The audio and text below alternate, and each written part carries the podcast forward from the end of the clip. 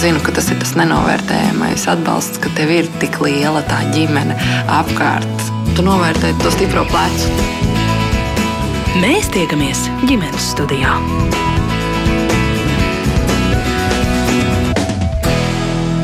Labdien, klausītāji! Vai esat kādreiz uzvilkuši katrā kājā atšķirīgu kurpi un ļaujušies apkārtējo nesapratnei, varbūt arī nopietniem, varbūt sirsnīgiem aizrādījumiem? Hei, ar tevi taču kaut kas nav kārtībā! Daudz to izmēģināja 15. septembrī, dažādo kurpju dienā, tādējādi simboliski paužot sapratni un pieņemšanu cilvēkiem ar funkcionāliem, arī garīgi rakstura traucējumiem, kā arī bez vecāku gādības palikušajiem bērniem un jauniešiem. Kā vēl var attīstīt? sevī spēju saprast un arī pieņemt šos cilvēkus, ieraudzīt viņu talantus un darīt visu, lai viņi justos vajadzīgi sabiedrībai. Par to tūlīt saruna un īpašu uzmanību e, vērsīsim šeit ģimenes studijā uz tām ģimenēm, kuras audzina bērnus ar garīgi raksturu traucējumiem. Rēdījuma producents Armīt Kolāt, man sauc Mairidz Noteņu, un es vēlos jūs iepazīstināt ar studijas viešņām. Pie mums ir Labklājības ministrijas valsts sekretāra vietniece Elīna Celmiņa. Labdien! Un uzreiz Elīna prasījuši jums tātad iekāp otru kurpēs sociāla kampaņa, ko organizē Labklājības ministrija, joprojām turpinās, vai ne? Pieminēja 15. septembri. Uh, dažādo kurpju dienu, kas Jā, vēl? 15. septembris bija kampaņas tāda uzsākšanas diena, bet šie stāsti, pieredzes stāsti ir publicēti gan parkos, kur izkrāsotās divas dažādās kurpes no piekdienas turpinās vēl atrasties kādas pāris nedēļas, un tur tos stāstus var zem QR kodiem izlasīt. Tāpat viņus var izlasīt arī mājaslapā cilvēks nevis diagnoze, un vēl arī mums ir padomā un jau izsludināts uh, radošo darbu konkursu jauniešiem, kur ietvaros mēs aicinām jauniešus par un ap šo tēmu veidot savus radošos darbus. Jā, bet tad šos pieredzes stāst, stāst ģimenes, kuras audzina bērnus Jā. ar īpašām vajadzībām. Jā. Jā. Pie mums arī nodibinājuma Latvijas bērnu atbalsta fonds pārstāve Zaiga Meldere. Labdien. Būtiski, ka šāda sociāla kampaņa notiek. Ļoti būtiski, jo tikai pievēršot uzmanību Un esot līdzās un ieraugot šīs situācijas, mēs varam kaut mazliet saprast, kā jūtās šīs ģimenes un kam ir jāiet cauri šiem vecākiem. Jo tieši iekāpt viņu vietā mēs nespējam, bet mēs spējam vismaz ieraudzīt un mēģināt saprast, kā viņi jūtās un kas ir viņiem tieši jāiziet. Mēģināsim to darīt arī šodien. Starp citu, arī ģimenes studijā pieredzes stāsti un mīļš paldies, ka šajā sarunā piedalīsies. Māma četrgadīgai meitiņai, kurai ir kabuko, kabuki sindroms, Kristīne Treimane. Labdien, Kristīne! Labdien! Varbūt varat mazliet par šo sindromu, nu, burtiski dažos vārdos, vai ko tas īsti nozīmē jūsu meitiņai? Kā tas izmaina viņas ikdienu? Nu jā, kabuki ir reta slimība. Viņa ir reģistrēta Latvijā trijiem bērniem. Mūsu gadījumā varbūt nav tik, tik traki, vai varētu teikt, ka mums vēl viss priekšā ar izslēgšanas metodēm, kas mums nav vai kas mums ir. Mēs esam tādā izmeklēšanas fāzē. Bet, nu jā, mums, mums man ikdiena noteikti ir saistīta ar to, ka viņai ir ēšanas problēmas, viņai ir uh, garīgās attīstības aiztur šobrīd, nu, gan jau pēc, uh, pēc, pēc neilga laika, kad būs pārbauda, tad jau arī noteiks, vai tā ir kaut kāda uh, vidēja, vai viegla, vai garīga atlicība. Varbūt arī nē, bet tas viss ir laiks priekšā.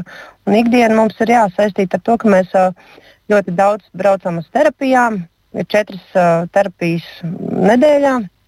Ir jāparedz starp darbiem, ir jāparedz arī, ka mums ir jāvelta laiks šīm terapijām un visa veida attīstībai. Jo, ja es to nedarīšu, tad uh, viņa paliks tajā pašā līmenī. Un, un, un, un, jā. Un tad ir ēšanas traucējumi arī, protams, kas mums uh, samazina imūnsistēmu. Un, un visas tādas lietas. Jā.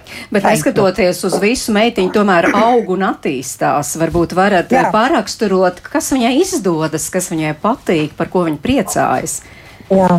Uh, ikdienā e e Elīza, man ir meitiņa Elīza. Elīza ir ļoti dzīves, priecīgs bērns jau no mazotnes skaļākā, viņa priekšlaiks dzimis bērniņš, un uh, viņa ir skaļākā, enerģiskākā, un visi ārsti, kad esam bijuši nodaļās, viņi saka, ka diez tik maziņa, un, bet tik aktīva, ļoti, ļoti aktīva. Līdz ar to Kad bija maziņa, viņai bija arī epilepsijas uh, lēkmes. Un ļoti bieži viņa kaut kur aizķērās, sasitās un bija ļoti, ļoti, man kā mammai, ļoti, ļoti jābūt uzmanīgai, jāvaktē, jārada visi tie apstākļi, lai viņa neaizķertos, nesasistos un nebūtu, tā, nebūtu tādas iespējas viņai tai lēkmei provocēties. Tā. Uh, kas viņai mhm. patīk? Viņai patīk ļoti dziedāt. Viņa šogad mēs pirmo gadu uh, arī mēģinām nevis tikai no sabiedrības individuāli strādāt, bet pirmo gadu mēs laidīsim arī viņu sporta pulciņā. Tas ir uh, futbols kas viņai ļoti, ļoti patīk. Un, uh, viņai arī mēs ejam uz treniņiem, un kādi trīs uzdevumi no desmit arī sanāk veiksmīgi. Man par to ļoti liels prieks. Nu, man arī liels prieks klausoties, bet vēl viena drosmīga mamma, kur gatava piedalīties mūsu sarunā, arī četrgadnieka mamma Evita Stalbe. Labdien arī jums! Labdien! Ko varat par savu četrgadnieku pastāstīt? Vest sindroms. Tāda ir tā diagnoze, bet tiešām neiedziļinoties, ko jūs par savu bērnu gribētu šobrīd pastāstīt. Eh, nu, Kristianam ir uh, četri gadiņi, un uh, dēļ ārstu nepareizas diagnozes pusgadu mums ir teiksim, tā, kā, um, tā valodiņas attīstības aizture. Un arī mazliet dēļ tām sekām, ka nebija laicīgi saņemtas tās, nu, tās, tās zāles un diagnoze, ir arī nu, bērnības autisms. -hmm. nu, vai tas arī tomēr izmaina jūsu dzīvi, vai ne? Ievelk kaut kādas zināmas korekcijas. Uh, Kādas tās ir? Uh, nu, šobrīd kā, mums arī, nu, teiksim, e, esam spiesti kā, nu, kā, apmeklēt izglītības iestādi blakus novadā. Par to mēs novad... runāsim jā. mazliet vēlāk, jā, jo tas. Par to mēs noteikti parunāsim. Bet par savu dēlu, ko jūs vēl tādu foršu gribētu pastāstīt? Uh, Kristiānam ļoti patīk teiksim, tās plaukstiņu spēles, tās cepu, cepu kukulīti. Viņam ļoti patīk. Viņš arī tā kā dejo. Bet šobrīd jā, ir, ir tieši tas, kas traucē, kad ir tā valodiņa. Kad arī bieži kad nevar saprast, ko viņš īsti vēlas.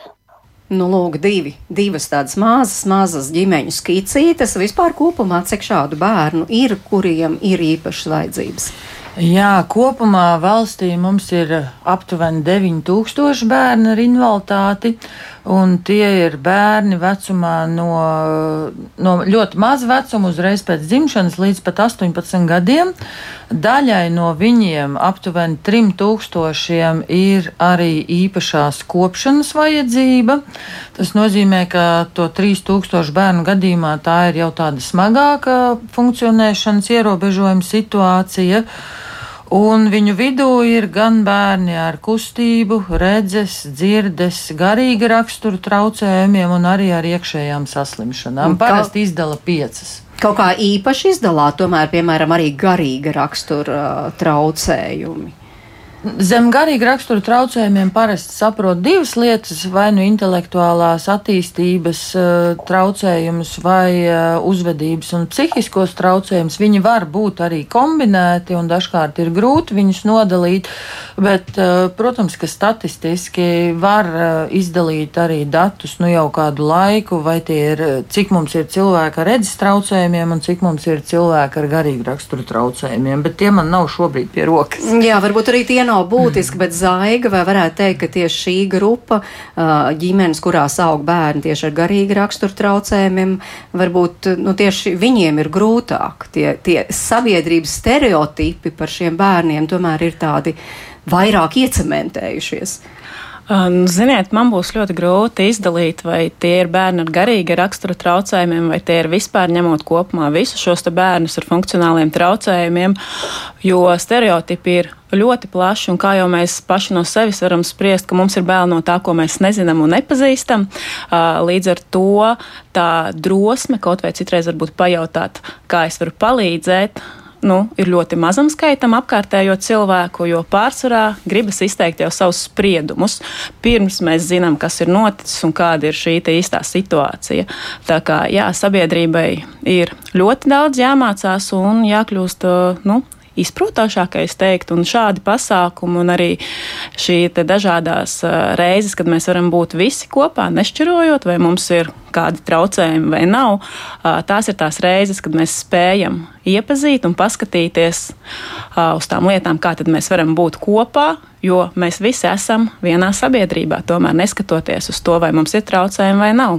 Nu, mēģināsim izprast tiešām, kā sabiedrība, kā valsts no savas puses palīdz šīm ģimenēm un kā mēs kā sabiedrība varam palīdzēt. Un es atkal vēršos pie mamām, pie Kristīnas, bet jūs jau teicāt, stāstot par savu bērnu, tā tad jūsu ikdiena tomēr ir e, četras reizes nedēļā dažādu speciālistu apmeklējumus. Es pieņemu, tur ir gan mediķi, gan rehabilitologi un vēl citi speciālisti. Uh, valsts visu nodrošina, kāda ir tā situācija? Nu, tas ir tas laikam sāpīgākais mirklis. Jā. Uh, kā lai stāsta? Uh, Mums ir tāds dienas centriņš, uh, tieši nevis dienas, bet mēs viņu saucam par dienas centru, uh, bērniem ar funkcionāliem traucējumiem. Un, uh, tur mums tiek nodrošināta daļa no terapijām. Savukārt iestādes vadītāji ļoti centīgi strādā, piedalās dažādos projektos, un, lai mums būtu pēc iespējas vairāk šo bezmaksas pakalpojumu. Jo patiesībā nu, mēs tagad ejam uz ergoterapiju, mums ir tikai piecas bezmaksas kā, terapijas. Par pārējo jau ir jāmeklē, atkal ir jātērē enerģija mums un jāmeklē, kā dabūt nākamos. Vai tas ir caur re, rehabilitologu, iet un atkal, atkal meklēt iespējas. Visu laiku ir jāmeklē iespējas. Arī pirmā gadījumā, kad mums bija pirmo gadiņu noteikts, ka mums ir uzturbagātinātājs nepieciešams, mūs neatbalstīja, mums nepiešķīra šo atbalstu. Mēs meklējām, tad, jo mēs nevarējām pacelt 300 eiro vienkārši pirkt medikamentus, nu, uzturbagātinātāju, viņas attīstībai, lai būtu. Nu, lūk, un, tad mēs meklējām to ziedot.lv un veiksmīgi mūs atbalstīja. Gadu mēs saņēmām šo, šo infantrīniju, kas mums bija vajadzīgs, un tad mums kaut kā iestājoties karam, mūs vairs neatbalstīja. Un, un jā, baigi jo, jocīgi, kad man liekas, ka šādā veidā būtu maksimums jāliek resursi iekšā un, un jāpalīdz attīstīties, ja, ja mums tā ir vajadzība. Tā mums nav ekstra, tā ir mūsu vajadzība. Nu, nu jā, vajadzīgi, lai tiešām šie bērni sasniegtu to maksimumu, lai jā, viņi izaugtu tādi, kuri var patstāvīgi dzīvot un varbūt arī dot kādu labumu sabiedrībai. Evita, jā, Evita jūs, jā. jūsu skatījums tieši par to medicīnisko pusi. Vai valsts spēja visu nodrošināt jūsu bērnam? Vai tomēr nē? Uh, daļēji, jo tāpēc, kad uh, šeit uh, tuvākais, kur mēs varam vērsties, uh, Eh, pēc, nu, pie, pie tiem speciālistiem. Eh, tiem, tas pats neiroloģis, kas mums gadījumā bija vajadzīgs, mums tuvākais bija Valmiera. Taču ar to valsts apmaksāto neiroloģu, kur mēs, man bija arī iepriekšēja pieredze ar vecāko dēliņu, īsi tā kā neizveidojās. Eh, tāpēc, kad vienīgais bija labākās atsauksmes, mēs gājām pie maksas neiroloģa. Mm -hmm. uh, bet arī te daļēji tas ir tāpēc, ka jūs valkā dzīvojat, vai ne? Jā, jā tas arī. Labklājības ministrija. Jo šādi stāsti, protams, skan, un, un, un, un tos jau visus zina, ka vecāki, kuri audzina šādus bērnus, kuriem ir funkcionāli traucējumi, uh, Nu, tur ir daļējs valsts atbalsts, bet ļoti liels ieguldījums arī no vecāku puses, un ne tikai um, vedot bērnus pie speciālistiem, meklējot un tam līdzīgi, bet arī finansiāli to visu apmaksājot. Vai šajā ziņā kaut kas mainās uz labo pusi? Jā, pakāpeniski, protams, ka mainās, un šoreiz droši vien netik daudz par finansiālo pusi, jo šie pabalsti ir tādi, kādi viņi ir, un šobrīd šajā gadā nav mainīti. Redzēsim, kā būs ar eh, prioritāšu pasākumiem nākamajos gados. Arī to, protams, var novirzīt bērnu papildu vajadzību sekšanai, kas saistīts ar invaliditāti, bet eh, visām nodarbībām un visām vajadzībām, protams, kad atkarībā no individuālās situācijas viņš var arī nepietikt. Bet eh, kāpēc mums bija šī kampaņa un kas vēl ar to ir saistīts, ir tāds ļoti liels ar Eiropas naudu atbalstīts deinstitucionalizācijas projekts Latvijā. Latvijā. Viņš ir vērsts ne tikai uz tiem cilvēkiem, kas dzīvo institūcijā, mājās un varētu ar atbalstu dzīvot kopienā un savā dzīves vietā, bet viņš ir arī ir vērsts uz pakalpojuma mm -hmm. vietu radīšanu pašvaldībās. Par to mēs šiem, parunāsim. Jā. Lai šīm ģimenēm sniegtu pakalpojumus, un pašvaldībās ir atvērtas jaunas daudzfunkcionālo pakalpojumu vietas, kurās nodrošina pakalpojumus bērniem ar dažādiem funkcionāliem traucējumiem. Viņi pārklāja visu Latvijas karti, bet nu, es nevaru viņus atvērt katrā meža ielokā, katrā mazākajā pagastā. Kāds gabals līdz tādam centram noteikti, būs jāmēro. Un atkarīgs, protams, ir arī no tā, cik lielā mērā pašvaldība pēc projekta beigām uh, spēj piesaistīt un uzturēt šo izveidoto, iedoto impulsu ar Eiropas naudu paši pie sevīm, saviem cilvēkiem, kas ir viņa autonomā funkcija pēc būtības. Bet tātad centri, kuros ir pieejama šī speciālistu palīdzība, saprot, ja šajos centros, piemēram, rehabilitologs, ko mēs te pieminējām, vai fizioterapeits, Pamatā vai, tie būs vai sociālie pakalpojumi, bet ir arī daļa, kuros ir sastopami arī tāda ar medicīnu medicīnisku ievirzes pakalpojumu, bet nebūtu arī pareizi, ka mēs buksējošo veselības aprūpas pakalpojumu mēģinam nokompensēt eh, caur sociālo jomu un pašvaldību. Tam būtu jānotiek tajā nozarē, kur tam ir jānotiek. Deinstitucionalizācijas projekta ietvaros mēs to darījām. Eh, daļa pakalpojumu bija ergoterapija, fizioterapija, logopēdija un kādi vēl uh, medicīnisks ievirzes pasākumi, bet uh, viss sociālās jomas pakalpojums nevar būt vērsts uz medicīniskās puses noklāšanu. Nē, protams, bet šīm ģimenēm tas Jā. ļoti būtisks zaiga no jūsu puses piebildu, jo jūs ar šīm ģimenēm komunicējat ikdienā un redzat viņas vajadzības. Apstājamies tiešām pie, pie, pie medicīnas un, un, un tieši tās bērnu veselības nu, iespējami maksimāli sakārtošanas? Nu, attiecīgi, tas, kas ir no vecāka puses, visbiežāk izskan, kad ir grūtības vietēji atrast šos speciālistus, kas būtu viņiem piemēroti, kas spētu palīdzēt, un arī šī te es atļaušos teikt, saikne bērnam ar speciālistu ir arī ļoti svarīga. Sevišķi šie te ir garīgie traucējumi, mentālie traucējumi. Un otrs, ja šie speciālisti ir blakus pilsētā, vecākiem bieži vien trūkst resursu, gan finansiāls, gan fiziskais resurss, un citreiz pat tieši pašiem vecākiem šis mentālais resurss, lai bērnus izvadātu, lai visu sakārtot, jo viņiem ir ne tikai jārūpējas par bērniem, bet viņiem ir arī vēl jāstrādā un jānodrošina pārējā ģimenes daļa. Tā kā nu, liels resurss ir paši vecāki, un vai viņiem ir spēks īstenot visu to, ko nu, piedāvā Mm. Citreiz pat tā blakus pilsēta ar šo attiecīgo speciālistu ir izaicinājums, lai līdz turienei nokļūtu. Nu, tieši tā, jo vecākiem ar visu ir jātiek galā ne tikai ar bērnu veselības problēmām, arī ar to, lai bērns ne tikai augtu, bet arī patiešām izglītotos. Kā ar šo ir, jo gan Kristīnas, gan Evits bērni šobrīd iet bērnu dārzā, vai ne? Neskatoties uz to, ka uh, viņiem ir nopietnas veselības problēmas. Kristīna, kā jums šai ziņā ir gājis? Jā, ir tā, ka uh, sākumā mēs pieteicāmies vietējā bērnu dārzā, tas ir uh, jā, mūsu pagastā. Un pēc tam gadiņā mēs sapratām, ka vienkārši audzinātājs pats ieteica, ka uh, mums ir jāiet uz speciālo dārziņu. Un tā tad uh, jā, pārgājām uz speciālo dārziņu, kas ir no mūsu dzīves vietas, ir 26 km. Un katru dienu es braucu pirmo gadu, kad es eh, vēl nevarēju strādāt pilnā laikā. Mēs braucām no pusdien, pusdienas laiku, braucām uz bērnu dārzu, um, 26 km prom, atpakaļ uz mājām un vēlreiz pakaļ bērnam. Tas ir ļoti, ļoti, ļoti, ļoti finansiāli dārgi patiesībā, kas saskaita visu kopā.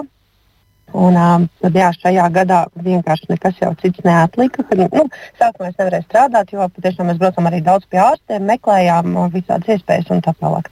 Tad šobrīd šogad ir sakārtojies viss daudz labāk, un, un nu, jau es strādāju, es pakārtoju savu ikdienu bērna vajadzībām, savu darbu bērna vajadzībām, lai aizvestu uz bērnu dārzu un pēc tam aizvestu vēl uz terapijām. Nu, tad tur mm -hmm. vai nu ejam apkārt dārziņu, vai, vai braucam mājās pēc darbiņa. Bet tātad jūsu bērnām der tikai šis īpašais speciālais dārziņš. Nedara, piemēram, jā, parastais dārziņš, kur ne. Uh, ar viņu varētu darboties uh, audzinātāji vai varbūt kāds jā. palīgs vai asistents. Mums uzreiz arī jau ieteica tieši no bērnu dārza griezties uz šo speciālo dārziņu. Es priecājos, ka tie ir 26 km, ka tie nav 50 km. jā, bet, uh, bet tas ir, tas, tas to mums uzreiz pateica, jā, ka mums ir jāiet uz speciālo dārziņu, jo vienkārši pašvaldībā tā, tādus nevar nodrošināt tādus, tas, kas ir vajadzīgs mūsu bērniem. Evita, e, jūsu situācija jums arī jāmēro bērnam, jāmēro pietiekam garš ceļš, lai tiešām tiktu šādā īpašā dārziņā. Varbūt izstāstiet, jā. Tā, jā, tā, jā, tā ir. Mēs uh, esam spiesti no Valkas uh, apmeklēt bērnu speciālo bērnu dārzu Valmierā. Jo tāpēc, kad uh, mums ir it kā uz vietas speciālais bērns, taču nav šīs uh, programmas ar kodiņu 5,8. Un tuvākais ir mums ir tā kā Valmiera. Bet jūs nevis, nevis samierināties ar šo situāciju, jūs pat tādu iniciatīvu izveidojāt, mana balss LV, kur jūs par šo skaļi runājat un aicināt atbalstīt, ka situāciju vajadzētu mainīt, un jums bija jāsavāc 200 atbalstītāju paraksti. Ir pat vairāk šobrīd, vai ne? Paskatījos. Jā, jā, ir vairāk. 222 šodien paskatījos. Vai tādā gadījumā jums ir cerība, ka, piemēram, jūs tā kā no iekšpuses varat to situāciju izmainīt, pieņemsim, un kāds varbūt sadzirdēs to, to jūsu vajadzību, jo, kā jūs teicāt, jūs cīnaties ne tikai par savu bērnu, bet arī par citiem bērniem, kuri dzīvo jūsu uh, novadā. Jā, tā ir, jo šobrīd ir lielākoties, ka vecāki ir spiesti vai nu atstāt bērnu, mazu bērnu, teiksim, uz nedēļu šajā bērngārzā, jo daudzi ir, ir tā problēma, ka daudzi nu, nevar izvadīt.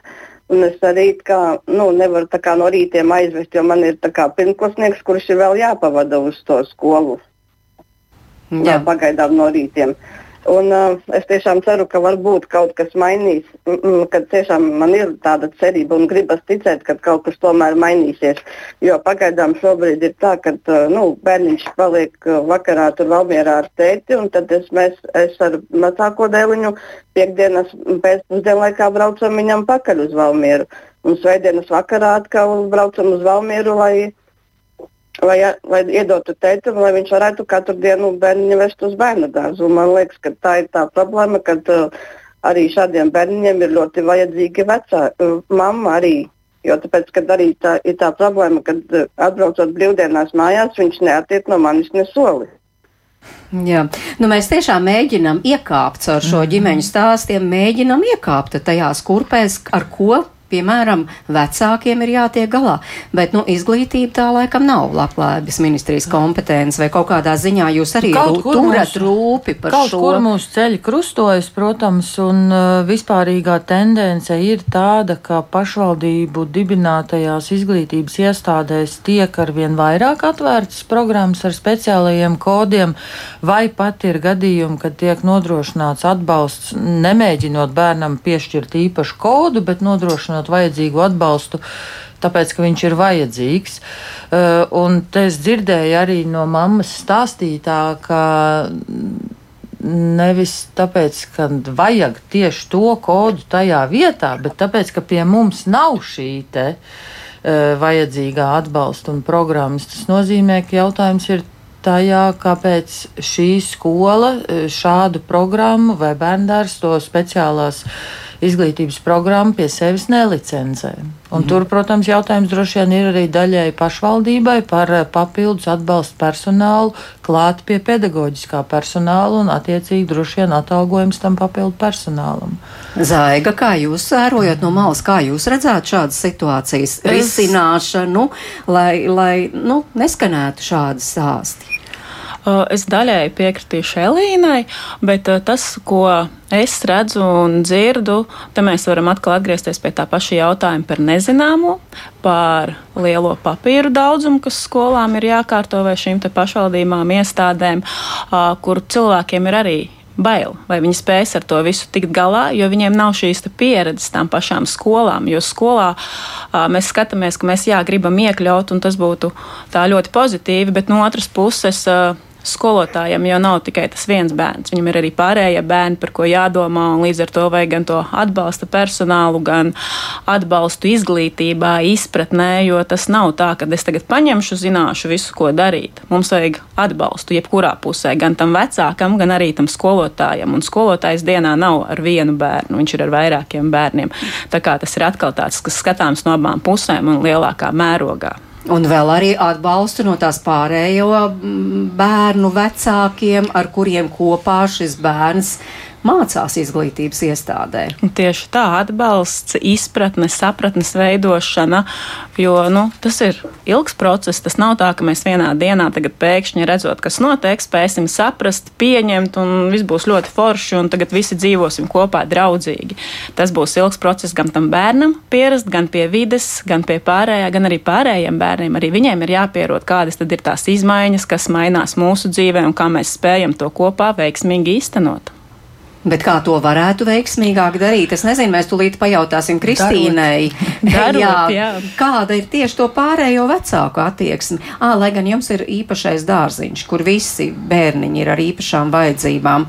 Evita, jūsu bērniņš, tur arī viss ir ar īpašām vajadzībām. E, jā, tur arī ir. Jā.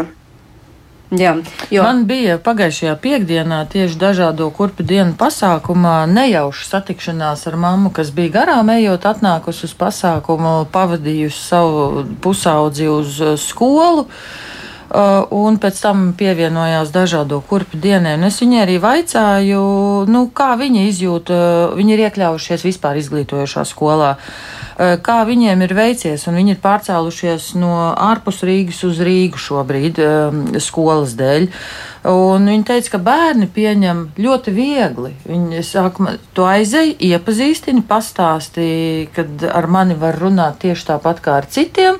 Man mēdz būt tas un tas, vai nemēdz būt tas un tas. Un, ja es daru tā, tad nepārdzīvojiet vai rīkojieties, iepazīstina ar sevi un tām savām īpašajām vajadzībām. Viņi teica, nu šobrīd ir tā, ka tā klase to, tas bērns ir viens no mums, viņš ir viens no mūsu bāra. Viņi viņu pieskata, viņu, viņu, kur viņš ir, vai viņam nevajag palīdzēt, kur viņš ir patstāvīgs, kur viņam vajag uh, iedot palīdzīgu roku.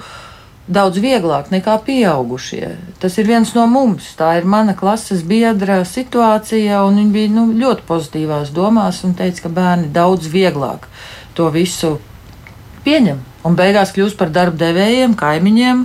Un sabiedrības locekļiem, un tā mēs mainamies. Jā, Kristīne, kā jūs vērojat, protams, ne bērndārzā, bet visur citur jau ir ikdienā tās situācijas sabiedrībā.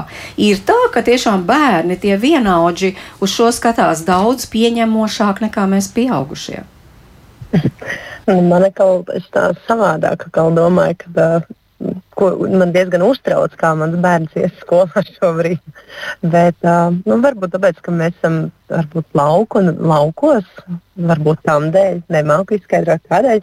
Bet, manuprāt, kad nedaudz kā, jā, bērni saprot, viņi redz, kas notiek ar, ar to varbūt vienaudzi, bet nevienmēr viņi pieņemoši. Man pat sētā arī ir arī bērniņš ar kodu, uh, kurš nāk, uh, kur, ar kuru mēs satiekam ikdienā.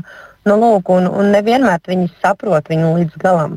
Uh, tur ir tā, ka arī puiši viņu pabaksta, pakaitina. Um, tu pat pilnīgi redz, kur ir tā robeža, kur viņam kur vajadzētu beigt to visu, bet viņi pakacina viņu vēl vairāk. Arī tas attiecas uz manu dāmu. Tieši tāpatām ir, kas zina, kur tā robeža, bet ir, zin, kur, ir bērni, kas nu, redz, kur robeža beidzās, bet viņi tik un tā dara vēl pāri. Nu, tad iesaistos es varbūt kā vecāks vai kā, kā cilvēks no malas un saka, nu, nu jau pietiek. Jā. Bet tāpēc es, es nevarētu teikt, ka tas ir tik pozitīvi. Varbūt ir, ir ļoti labi, ka ir arī cita pieredze, bet man ir šāda. Mhm. Bet, nu, pieaugušie varat tā mierīgi iet pa ielu, neviens tā kā neatskatās vai, vai, vai ne, nepasaka kādu frāzi, ko jūs tur nemākat savu bērnu audzināt jā, vai kaut kā tam līdzīga. Tas, tas ir tas patiesībā, es arī ilgi domāju par šo jautājumu, kas ir tas, varbūt, kas man traucē no sabiedrības. Man tieši tas varbūt arī ir tas, trau, ka traucē, ka man vienmēr ir tāda sajūta, ka man ir jātaisnojas, kāpēc mans bērns izskatās nedaudz savādāk, kāpēc mans bērns nemāk to, ko citi, vai redziet, cik jums viņi ir izlutināti, ka niķojas par katru sīkumu. Nu, viņi, man katreiz apmēram jāskaidro, ir, kāpēc viņai tas tā ir, ka mums ir tāda, tāda slimība. Man, nu, reizēm ir vienkārši liekas, nu, ir veiksmīgi. Mums tagad treniņos mēs aizgājām, patiešām mums treneris neko neprasa. Viņš redz, ka viņi nedaudz savādāk, viņi mazāk augumā, viņi nespēja izpildīt. Viņš tāpat dod tos pašus uzdevumus, un es ļoti par to priecājos, ka viņš nenāk un nejautā mums, kas jums skaists, kāpēc viņa tāda ir. Jā, es, es, man tas varbūt pat atvieglo. Jā, nu katram varbūt tā situācija savādāk. Evita, jūsu pieredze? Man ir atkal tieši otrādi pozitīva, jo man sanāk, ir arī otrs bērniņš ar īpašām vajadzībām, bet nu, viņam ir tas uh, cukura diabetes, uh, arī bērngārzā, jo parastajā bērnu dārzā um, tie bērni, tieši, kas ir tie, tiešām parasti bērni, viņam Viņa vienmēr atgādina, aizej, no, aizej nomēri cukuru, aizej nomēri cukuru. Un viņi tā kā, nu, tā kā atbalsta, tā kā pieņem. Un arī tagad skolā skatos, kad, kā, kad, kad visi pieņem. No sākuma jā, sko, tā, tā kā ir jauni klases biedri, jā, bija tāda tā kā interese, bet man arī patīk, patīk arī bērngārzā, kad mums parādījās tas diabetes tieši par vecāko dēlu runājot. Audzinātāji visus sasēdināja, visus izstāstīja un parāda, nodemonstrēja, kā nomēra no pirksta cukuru, jo visiem bija kaut kas jauns un tāds tā pārsteigums. Bet uh, pēc tam viņiem kā, tas jau kļuva pierasti un kā, liekas, ka tīri labi pieņēma arī. Mhm. Nu, tā vienkārši tas tā dabiski notiks, jā, izaugs jauna jā. paudze. Es domāju, ka jā, domājat? un es varu arī apstiprināt. Uh, Evitas teikto, jā. attiecībā uz sabiedrību. Uh, sabiedriskās domas pētījumi liecina, ka cilvēki vislielāko atbalstu šobrīd izjūt no saviem kaimiņiem un vistuvāko cilvēku loka. Un pat tad tie ir tikai aptuveni 40% cilvēki, kas saka, ka kaimiņu attieksme ir atbalstoša. Attiecībā uz uh, izglītības iestādēm, transporta līdzekļiem, valsts pašvaldību iestādēm, iestādēm, bankām un apkārtējo sabiedrību, tā atbalstošā attieksme parādās tikai 20% eh, atbilžu gadījumu.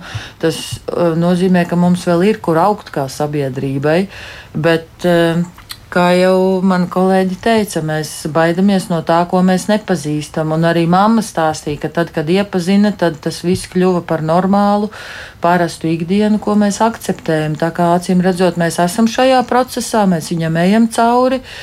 Tie, kas to izjūt uz savas ādas, tiem ir grūtāk, bet uh, paskatoties atpakaļ, šodien un uz priekšu, tie ir trīs pilnīgi dažādi laika nogriežņa punkti ar dažādām pieredzēm.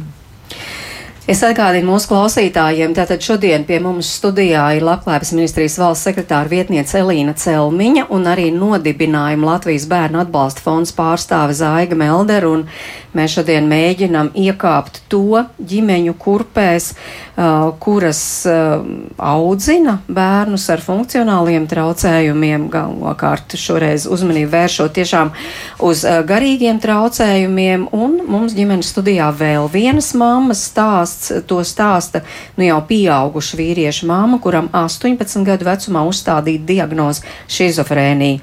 Sieviete nevēlējās atklāt savu vārdu, nu, bet tad klausāmies viņas stāstu. Viņam ir tuvu 30, tātad viņš ir vīrietis, kam būtu jādzīvo patstāvīga dzīve, ko savu iespēju robežās, cik nu, tas ir saistībā ar slimību, iespējams, viņš arī vada.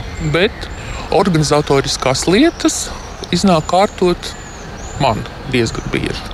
Viņš dzīvo pats atsevišķā dzīvoklī, īrētā, kur namsaimnieks katru gadu, paldies Dievam, pagarina līgumu, ko sociālais dienests par laimi apmaksā jo viņa ienākumi mēnesī ir 156 eiro. Tagad būs nedaudz vairāk. Teikt, ka tā ir viņa izvēle dzīvot no šī pabalsta, laikam nebūtu īsti korekti, jo viņš ir mēģinājis arī strādāt, bet, eh, diemžēl, viņa slimības gaita ir tāda, ka tas nekad nav izdevies. Tā kā tā, viņa ikdiena ir lielākoties viņš guļ Viņš mēģina lasīt grāmatas, viņš skatās kaut kādus nebūtu uh, video klipus telefonā, vai arī skatās televizoru. Nu, disks jau nav, bet nu, tā tas ir. Nu, tā tad uh, diagnoze ir schizofrēnija, bet kurā vecumā tas parādījās? Nu, patiesībā kā diagnoze tā tika uzstādīta tad, kad viņam bija nedaudz pāri 18, respektīvi viņš arī šajā sistēmā, kas ir atbalstoša, lai gan, nu, ja es varētu minēt, arī reizēm ļoti dīvaini un pašpietiekami neienāca kā bērns, kur ir viena nosacījuma, bet gan kā pieaugušs cilvēks, turklāt bez jebkādas darba pieredzes, kas arī visu šo finansiālo jautājumu, kas viņa gadījumā ir ļoti sāpīgs, nu, sāsina. Nu, kāda ir šī sistēma, kurai būtu jābūt atbalstošai, vai tā ir atbalstoša? Tā kā viņam ir zemi ienākumi, viņam ir trūcīgā status, kas ir ik pa pusgadam jāatjauno. Un eh, tad, kad tas status ir atjaunots, tad viņš var pretendēt uz pabalstu mājokļa un komunālo pakalpojumu apmaksājumu. Bet reizi sešos mēnešos šādai personai ir jāiesniedz izziņa. Nu, par to, kāda ir šī situācija, cik viņš ir maksājis. Tad, kad eh, šie papīri ir iesniegti, Tad nāks tāds ļoti tāds interesants moments, par ko es esmu daudz domājis un arī vaicājis sociālā dienas pārstāvjiem tādu Manuprāt, loģiski atbildi neesmu dabūjusi. Tiek pieņemts lēmums, un lēmums klientam, ja klientam ir reģistrēts e-pasts, tiek atsūtīts elektronisku dokumentu veidā ar drošu elektronisku parakstu. Un nevienu neumulsina un neuztrauc, ka klients nemāku šo dokumentu atvērt. Tad, kad es to vaicāju, kā, nu, nu, kāds ir, nu, man, man tika atbildēts, jā, ka, ka patiesībā klienti ir ļoti dažādi un ka viena daļa ļoti labi tiek kaut galā. Nu, diemžēl mēs pie tās vienas daļas nepiedarētu, ja atkal nebūtu atbalsta persona.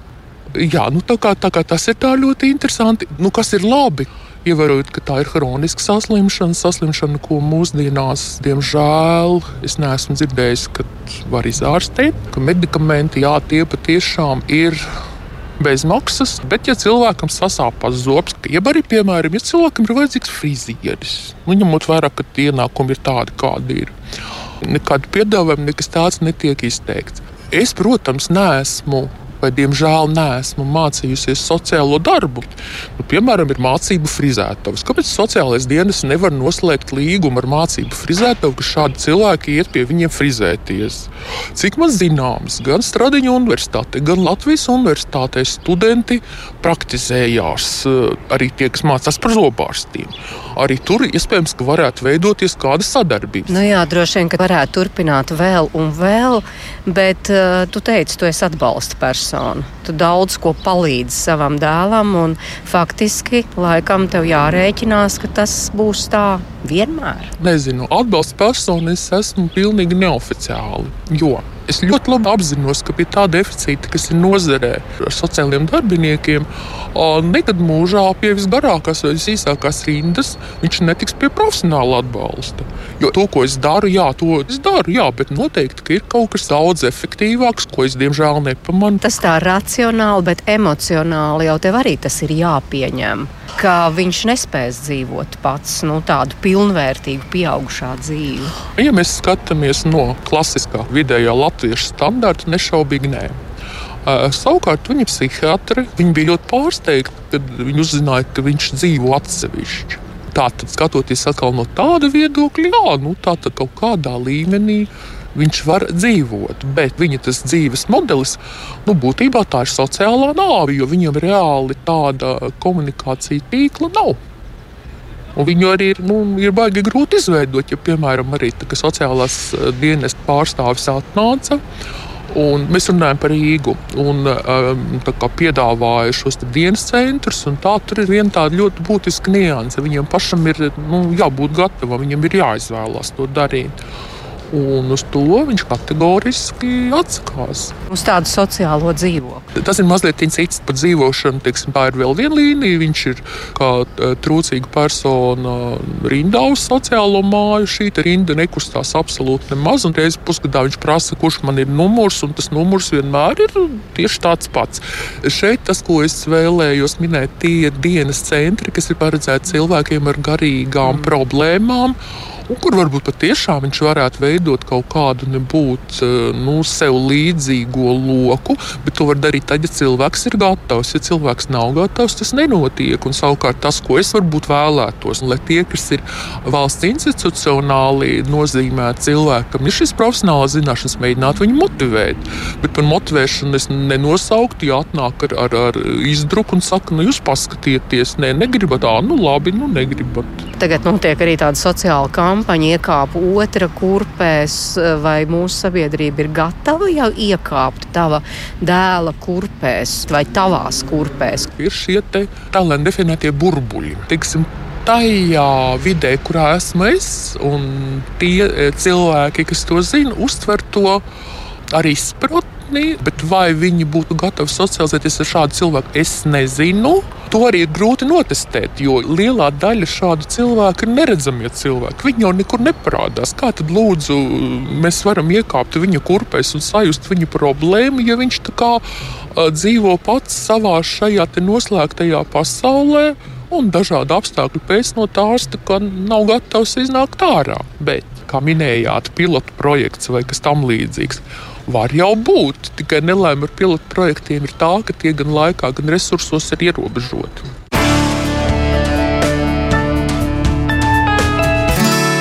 Nu, lūk, vēl viens mammas stāsts, nu jau pieauguša dēla stāsts, un kā mēs dzirdējām, nu, ne, neoficiāli viņa tomēr ir savu bērnu atbalsta persona, un tā droši vien būs vienmēr, kamēr vien būs, jā, bet eh, viņa te arī redz, tad skatoties no malas visas tās lietas, kas, kuras varētu uzlabot. Nu, piemēram, te izskanēja gan par šo e-dokumentu, kuru nemāk šāds cilvēks atvērt, vai, vai, vai piemēram, par, par zobu eh, sāpēm un matu griešanas, it kā ikdienišķām lietām, bet kas šajā gadījumā tiešām ir problemātisks. Nu, jā, pēc nosauktā pensijas vai pabalsta apmēra man jāspriež, ka tā nav ļoti smaga invaliditāte un traucējumi, kas tur ir konstatēti līdz ar to kaut kādā apmērā.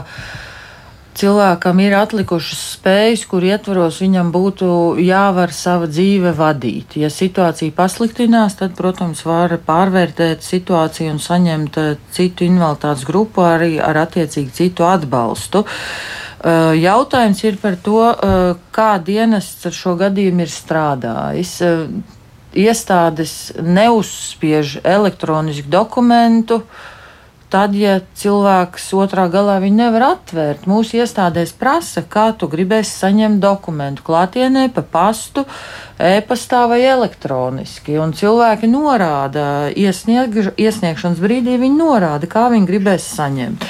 Nu, acīm redzot, šeit var uh, izteikt pārmetumu tajā komunikācijas brīdī, kad iesniegums ir pieņemts, vai arī paviršā brīdī, tad, kad lēmums tiek nosūtīts. Mm -hmm. Jā, nu te vēl tika Jā. minēti dažādi tur Jā. gadījumi, piemēram, tiešām šis dienas centrs, kas varbūt tiešām būtu būtisks atbalsts, ka paprast, nu, parāda bukletu, gribi, ne, negribi. Jā, mēs tomēr runājam par cilvēku ar garīga rakstura bet traucējumiem, bet varbūt arī to... sociālam dienestam kaut kādā ziņā ir grūti ieklāp, iekāpt to visu klientu kurpēs, un, un droši vien, ja mēs aptaujātu vēl, tad katrs stāstītu atkal savas niansītes, vai to visu var tā pamanīt?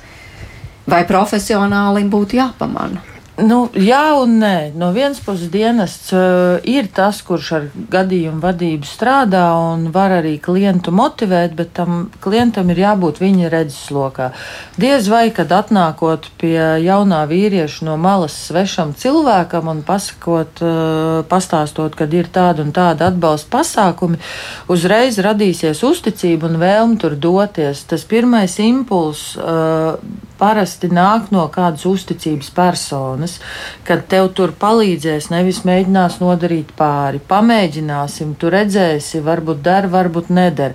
Protams, kad ar vienu jautājumu un vienu atbildi nē, negrib nekas nemainīsies. No šī gada rudens mums būs arī valsts eh, apmaksāts pakalpojums, atbalsta persona cilvēkiem ar garīgu raksturu traucējumiem. To darīs eh, speciāli atlasīti cilvēki par atlīdzību. Palīdzot cilvēkiem viņu ikdienas lēmumu pieņemšanā un savas patstāvīgās dzīves vadīšanā. Mm. Tā, kā, nu, tā arī ir viena lieta, kas mums līdz šim nav bijusi, bet tagad būs. Līdz ar to vecāks varēs mazliet atkāpties no šīs lomas. Bet dienas centri pienākas, vai viņi tur var uzturēties šādi cilvēki arī tad, ja viņi ir pilngadīgi? Ir dienas centri bērniem un ir dienas centri pieaugušajiem, un parasti dalās. Ir dienas aprūpas centri, ir tie, kas nodarbojas ar jau tādiem smagākiem gadījumiem, un dienas centri vairāk būtu pielīdzināmi tādiem interešu izglītības centriņiem, bet sabiedrībā mēs mēdzam šos nosaukumus mazliet jaukt un miksēt. Jā, bet nu, tomēr skatoties uz priekšu, es tiešām arī pasakoju līdzi un paskatījos, ka tomēr daudz kas mainās uz labu. Jo Jā. tagad pieņemsim, jo, jo tās mērķis jau ir, lai šie cilvēki spētu nu, kaut cik varbūt ar palīdzību, bet tomēr nu, maksimāli patstāvīgi dzīvot savu dzīvi. Un tagad ir piemēram grupu dzīvokļi Jā. Eh, šādiem jauniem cilvēkiem, kur viņi ar daļēju palīdzību var tomēr dzīvot vai dienas centri vai, vai tam līdzīgi. Tas jā, jau ir, tas tā kā protams, ir svarīgi. Jā, ir rinda, uh, visu nevar uzreiz, bet tās lietas eksistē un pakāpeniski vēršas arī plašumā. Tā tiešām ir. Cik Agrāk... šobrīd tas plaši jau ir? Oi, nu kartes pa visu Latviju ir dažādas. Uh, mums būs, uh, kā lai es jums pasaku, piemēram, līdz šī gada beigām mums jau būs izveidoti 53 dienas aprūpas centri pa visu Latviju, 50 grupu dzīvokļi, gandrīz 600 cilvēku klientu vietām, 34 specializētās darbnīcas, pāri pa 500 klientu vietām.